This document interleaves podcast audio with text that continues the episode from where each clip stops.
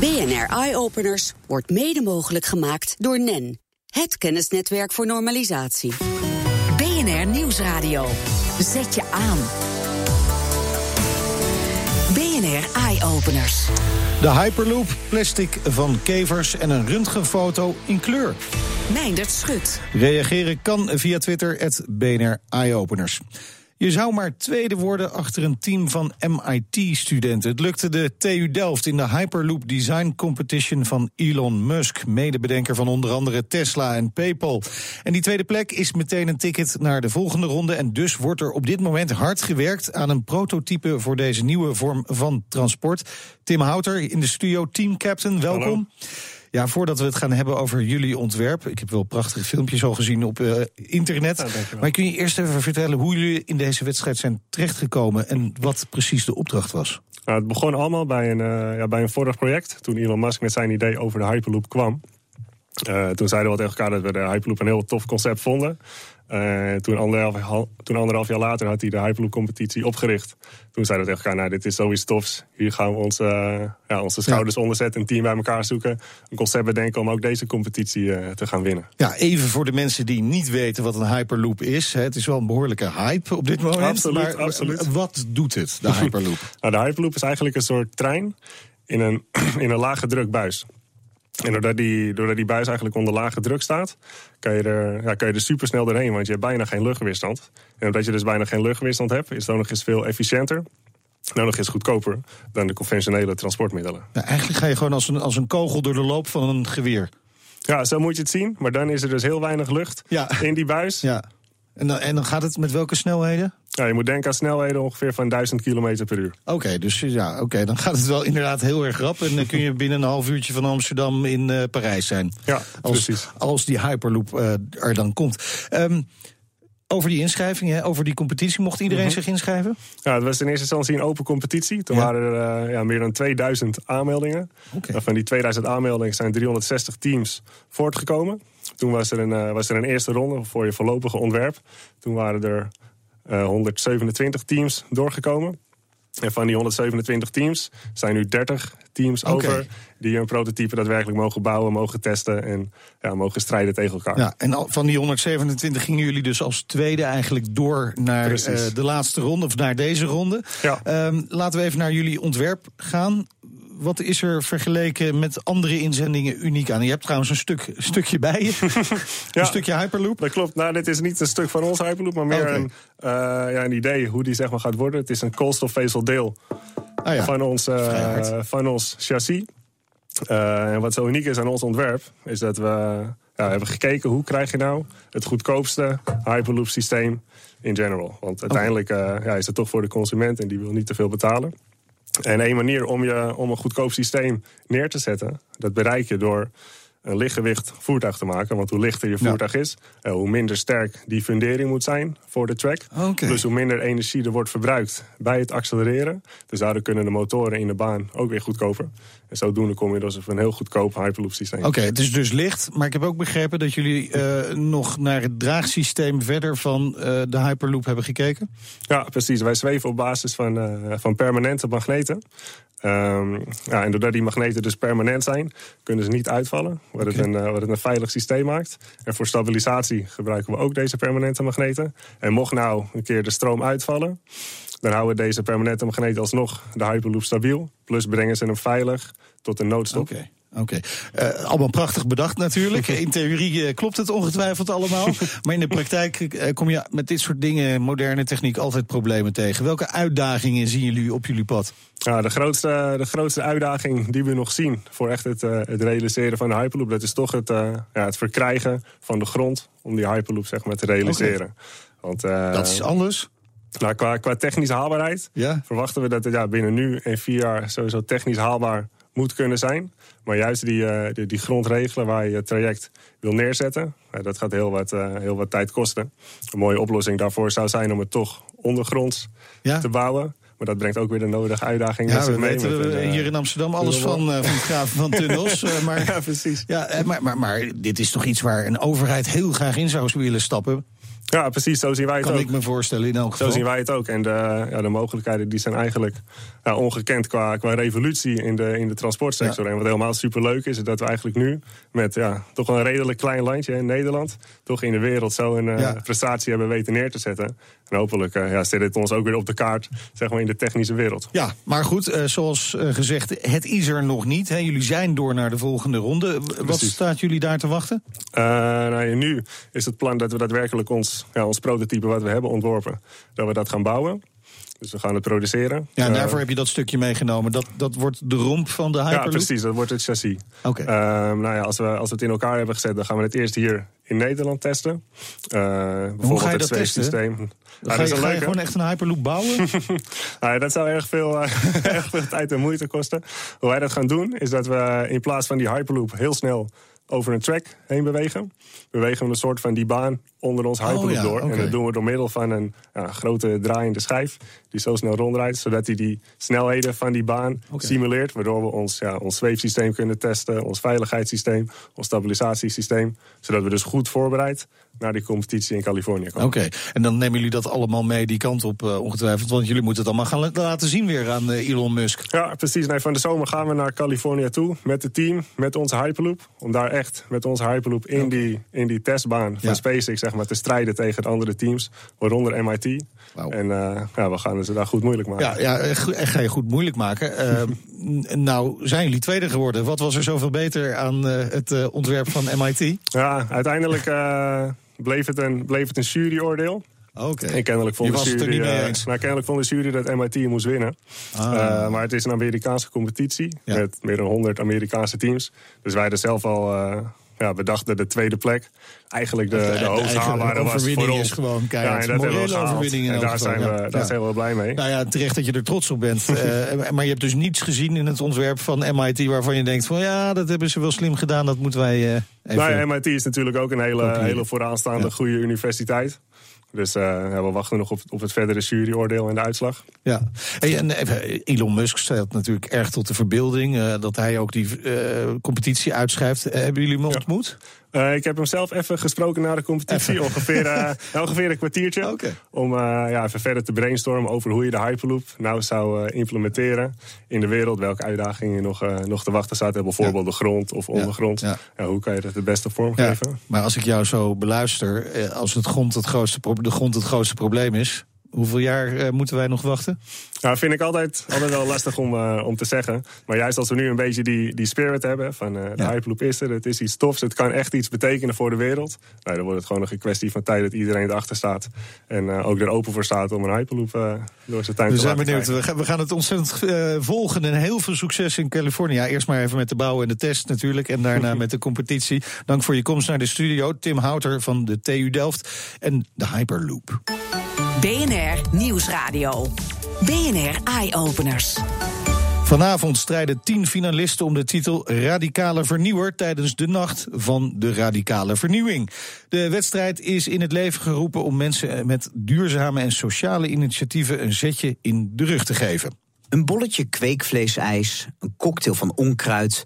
Het is een kleine greep uit de wonderlijke ideeën die tijdens de nacht van de radicale vernieuwing worden gepresenteerd. Neem bijvoorbeeld het nieuwe kiezen van finalist Rudy van Belkom. Volgens hem moet onze parlementaire democratie volledig op de schop. En dan met name de wijze waarop we onze stem uitbrengen.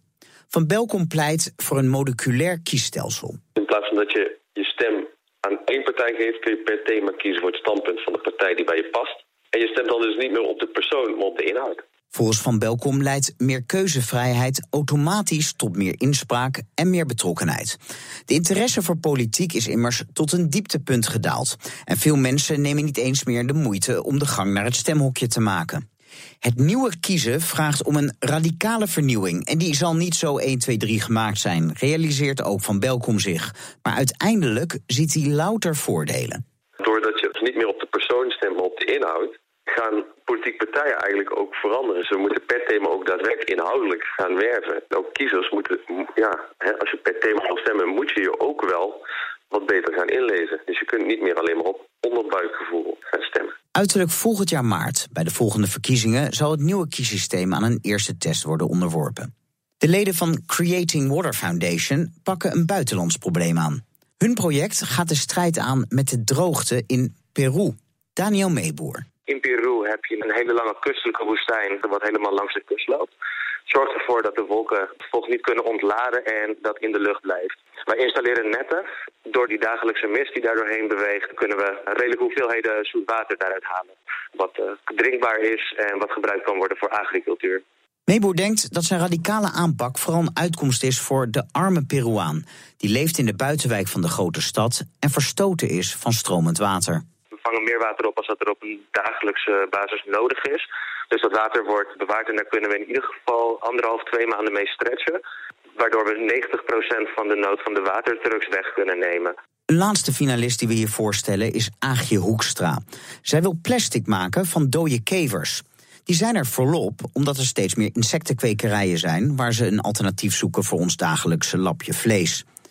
Met het dierlijke restafval doen deze kwekerijen niets. En dat is doodzonde, vindt Hoekstra. Toen ik die dode kevers eenmaal had, heb ik literatuuronderzoek gedaan om erachter te komen waar die kevers uit bestaan. En zo kwam ik erachter dat ze de stof chitine in hun schil dragen. Als je om kan zetten naar chitosan en dat is een soortgelijk polymeer, maar dat kan in zichzelf blijven hechten als je het op elkaar perst. En toen ik daarachter kwam, ben ik samen met een chemicus het laboratorium ingedoken om, uh, om dat stofje eruit te halen. En ook echt nou ja, van die dode kevers dus een bioplastic te maken. Of een van deze drie vrijdenkers gekroond wordt tot radicale vernieuwer, wordt vanavond bekendgemaakt in het Springhouse in Amsterdam. Je hoort de bijdrage van verslaggever Jigo Krant. Meer informatie over deze innovaties eh, vind je op bnr.nl/slash eyeopeners. En zometeen in de uitzending een kleurenscan maken van de binnenkant van je lichaam. Dankzij nucleair onderzoek kan het straks. BNR Nieuwsradio. Zet je aan. BNR Eye Openers. Nucleair onderzoek van is dat een ver van je bed show? Nou, niet als je weet dat we er in ons eh, dagelijks leven allemaal heel veel aan te danken hebben. Iemand die daar meer over kan vertellen is Sijbrand de Jong, sinds vorige maand president van CERN, de Europese Organisatie voor Nucleair Onderzoek. Welkom in de studio. Ehm, even voor de duidelijkheid, zelf eh, staat u niet in de witte jas proefjes te doen? Nee, nee. Als ik, president? Uh, nee, nee. Als uh, president van de CERN-raad uh, hou ik me vooral bezig met zeg maar procesbegeleiding van de, strategiebepaling. De strategie die wordt bepaald door die raad. Ja. En daar zitten alle landen in die deelnemers zijn aan CERN. Er zijn er nu 21. Ja, de, dus daar is aardig wat uh, te begeleiden van die strategie. Uh, ja, ja, het is minstens zoveel diplomatie als, ja, ja. als onderzoek. ja. Nou, laten we even naar dat onderzoek ons daarop gaan richten tijdens deze uitzending. Um, er zijn ongetwijfeld mensen die denken van ja, dat nucleair onderzoek, wat merken wij daar nou in ons dagelijks leven allemaal van? Maar dat is te makkelijk gezegd. Hè? Kunt u een paar voorbeelden noemen van uitvindingen die bij CERN vandaan komen, die we nu eigenlijk allemaal gebruiken? Nou, ik begin even met één ander dingetje. Dat is, uh, ik hoorde nu twee keer het woord nucleair langskomen. Ja, ja, het is niet maar alleen- CERN houdt zich uh, niet bezig met kernfysica onderzoek. Het zijn elementaire deeltjes, het is Ja. allemaal nog kleiner. Oké. Um, het is in feite zo klein dat uh, de dingen die we, uh, zeg maar, waar we echt naar op jacht zijn, die we echt uit willen vinden, Ja. uh, daar zien we eerlijk gezegd nog niet zo snel een toepassingshorizon voor. Maar Ja, maar nu Om- komt de grote maar. om dat te kunnen bereiken, om bijvoorbeeld ja. zoals die grote ontdekking van het Higgs-deeltje te precies. kunnen doen, heb je technologie nodig die ver over de grens ligt van wat we kunnen. Uh, een van de dingen waar ik me daarmee bezighoud, is dat de besluiten die wij nemen over strategie over het algemeen zo zijn dat de apparaten die we moeten ontwikkelen, waar we het al besluit voor nemen van dat gaan we doen, Ja. dat kunnen wij helemaal niet. Wow, Uh, dus wij kijken spannend. vooruit Ja. naar. Um, we willen over tien jaar een versneller hebben. We nemen nu alvast het besluit dat we die versneller dan in werking willen hebben. En ondertussen uh, moeten we dus die technologie nog ontwikkelen. En en lukt dat ook altijd? Uh, nee, vrijwel nooit. Oké. Uh, maar we komen altijd voldoende dichtbij. Dus Oh, ja. uh, dat, is, uh, dat is dan over het algemeen goed genoeg. Je, je moet je doelen altijd. Uh, kijk, wij vinden ook dat als je je doel haalt binnen de daarvoor gestelde tijd, is het eigenlijk bijna mislukking. Oh ja. Want dan ben je niet ambitieus genoeg geweest. Nee. En, en kan ik me voorstellen, hè, voordat we dan even straks naar die scan eh, van die kleurenfoto Ja, ja. Van, je, van je lichaam gaan. Dus- eh, dan, kan ik me voorstellen in het proces allerlei oplossingen uitgevonden worden. Ja, ja, bijvoorbeeld een van ons, uh, denk ik wel, grootste, of in ieder geval de uitvinding met de grootste impact, is wel het World Wide Web. Oh ja. Kijk, iets als, eh, als internet, dat bestond al lang.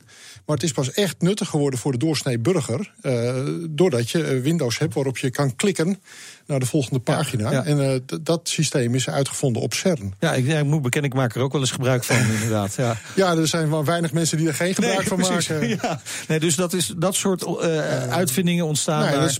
Puur geboren uit het feit dat we nu in experimenten tot 3000, 3500 eh, eh, mensen in één experiment hebben die samen moeten werken. Ja. En waarvoor je dus een communicatiemodel moet hebben eh, waarmee dat kan. En daar is het World Wide Web voor uitgevonden. Nou, dat is een van de ongetwijfeld vele voorbeelden van eh, uitvindingen die eh, vanaf CERN eh, komen. En misschien ook wel per toeval worden uitgevonden. Op dit moment wordt er gewerkt aan een nieuw soort scan. Eentje waarbij we straks een kleurenfoto kunnen maken van de binnenkant van ons lichaam. Hè, een kleuren röntgenfoto. Nu is dat altijd nog zwart-wit. Ehm, is dat wel een haalbare kaart? Of is dit ook weer zo'n verre strategie? Nee, nee, nee, want het is op zich eh, geen onderdeel van de strategie. Behalve dan dat wij deeltjesdetectoren ontwikkelen. Ja. die ook dat goed blijken Oké. te kunnen. Ah. En het, het basisidee is als je nu een röntgenfoto maakt. dan stuur je röntgenstraling op iemand af of op iets. En dan kijk je aan de andere kant hoeveel er doorheen komt. En dan krijg je een zwart-wit foto. Ja. Waar veel doorheen komt, eh, dat wordt licht. En als het weinig doorheen komt, dan wordt het donker. Ja. Ehm, nou, als je, zo zouden wij ook kunnen kijken. Wij kunnen ook kijken naar een voorwerp. Dan komt er veel licht af, dan is het een licht voorwerp. Is het donker voorwerp, dan komt er weinig licht af. Maar wij zien ook kleur. En kleur is eh, niets anders dan een verschil in energie van de verschillende lichtdeeltjes. Ja, want, eh, even, dan hebben we het over deeltjes, Ja, en dan hebben we het over detectoren. En en daar zijn we goed in. Daar, daar zijn we goed in. En, en, dan, en dan kan het. Want het grappige is, hè, op, op luchthavens met, met bagage kan dat al in kleur. Nou, dat is is, dat- overal, maar dat noemen we false colors. Hè? Ah, oké. Dus dan worden de verschillende wordt- componenten Ja, van ja. verschillende detectiemethodes worden in verschillende kleuren aangegeven. De- dus dit is echt. Waar dit Waar echt over gaat, is eh, stuurt een, een continu spectrum, als het ware wit licht, van röntgenstraling ergens doorheen. En aan de andere kant kijk je welke golflengtes eruit komen. Ja. Dat analyseer je. En dan krijg je dus echt eh, zeg maar het kleurengedrag Ja. van het weefsel dat ertussen zit. En als je dat CT doet, dan kun je dat 3D in hele kleine pixeltjes van ongeveer 30 micron groot. Fa- Fantastisch. Eh, m- leuk ook voor eh, de specialisten dat ze dan in kleur kunnen kijken. Maar wat hebben ze eraan? Wat, wat is het zoveel beter dan de zwart-wit? Nou ja, stel jezelf je eens voor, oké, als je gewoon natuurlijk een eh, zwart-wit foto maakt van een huid. eh, of je maakt een kleurenfoto of je hebt een kleurenbeeld van de huid. Hoeveel meer eh, zeg maar, pathologie aan een huid kun je zien met kleur? Dat is onvoorstelbaar. Ehm, dus, dus dat gaat eh, zeker een grote impact hebben. Ja. Eh, dan tot slot de vraag die ik hier wel vaker stel, stel. Wanneer is het er? Wanneer kunnen we het gebruiken? Nou, dit is nog wel een eh, lastig traject. Dus in principe kunnen we het nu al. Oké. Ehm, ik, ik denk dat het eh, voor mezelf zie ik 30, 40 jaar, dan 30, misschien 50, dan hebben alle ziekenhuizen op aarde hebben Oké. Ja, dan zitten we misschien wel eerder in de Hyperloop dan dat we een kleurenröntgenfoto hebben. zou zomaar kunnen. Dat zou zomaar kunnen. Heel veel succes. Dank voor de komst naar de studio. Zijbrand de Jong van CERN. De Innovatiehub. Wat doet de rest van de wereld op innovatiegebied? Wat zijn de trends in het buitenland? Deze week vragen we het aan innovatieadviseur Walter de Wit in Boston. Walter, wat eh, speelt er op dit moment bij jou daar? We komen net uit de MIT European Career Fair. Dit is een jaarlijks event in Boston waar zo'n 4000 studenten aan de universiteiten als een MIT en een Harvard op afkomen. Het event begint met een dag beurs waar Europese bedrijven en kennisinstellingen zich presenteren. En de twee dagen daarna volgen er sollicitatiegesprekken met de potentiële kandidaten. Dat zijn studenten die in de eindfase van hun studie zitten en overwegen om als vervolgstap in Europa te gaan werken. Ja, nou zijn er wel veel meer van dat soort beurzen. Hebben dit soort beurzen een, eh, een grote impact? Het is een aardig grote met de top van de, van de studenten die, eh, die je in Amerika vindt. Wat je gezien in de af- afgelopen eh, MIT Career Fairs is dat de Nederlandse deelnemers hier zo'n 10 à 12 studenten per jaar hebben aangenomen. En dat is dan een mix van Europese studenten die na een studie in de VS weer terug naar Europa willen om daar aan de slag te gaan. En ook Amerikaanse studenten die eigenlijk werkervaring op willen doen in ons geval in Nederland. En een, eh, een aantal jaren ook veel langer in Nederland gaan, eh, gaan werken. Dus succes ja. Een, een stevig aantal studenten van de aanleiding van dit event in Nederland aangenomen gaan worden. Ja, wa- waarom vind jij het belangrijk dat Nederland hierbij aanwezig is? Nee, ik, denk, ik denk dat twee dingen hier van belang zijn. We doen twee dingen eigenlijk. En dat is sowieso Nederland op de kaart zetten als een van Europa's belangrijkste high-tech spelers. Dat is, een, eh, dat is een hele belangrijke om het natuurlijk hier in Amerika uit te dragen. En uiteraard uh, hebben Nederland een stevig tekort aan hoog opgeleid technisch personeel. En door hier aanwezig te zijn, kunnen we, dat, um, kunnen die mensen dat toptalent van de beste universiteit richting Nederland halen. En is, is Nederland voldoende aanwezig? Is Nederland voldoende zichtbaar? Ik zou heel graag zien dat dat veel meer zou zijn uh, natuurlijk. Uh, ik denk dat dit een uitgelezen kans is om die Amerikaanse talenten richting Europa en richting, richting Nederland te halen. En het zou natuurlijk geweldig zijn als we hier met een enorme partij in Nederlandse bedrijven zaten. Wat je ziet bijvoorbeeld is dat de Duitsers hier zeer zwaar op inzetten. Die zijn met al hun topbedrijven, onderzoeksinstellingen zijn die aanwezig. Dat zijn er vele tientallen. Nederland doet het overigens ontzettend goed, want die zit zeker met, uh, met de Zwitsers en met de Fransen op een, op een goede tweede plek in, hun, uh, in, hun, in de aanwezigheid. En doet het heel goed, maar het zou toch geweldig zijn als we hier nog veel meer grote Nederlandse bedrijven, kennisinstellingen zouden hebben om talent vanuit Amerika richting Nederland te halen. Dankjewel, Walter de Wit, innovatieattaché in Boston voor het ministerie van Economische Zaken. Op bnr.nl eye-openers vind je meer informatie over het innovatieattaché-netwerk en andere innovaties met impact. Tot zover deze uitzending. Op Twitter vind je ons natuurlijk via het BNR Eyeopeners. En heb je nou zelf iets leuks gezien of bedacht? Stuur dan een mail naar eyeopeners.bnr.nl. Terugluisteren? Ook dit programma vind je terug in de BNR-app. BNR Eye Openers wordt mede mogelijk gemaakt door NEN, het kennisnetwerk voor normalisatie.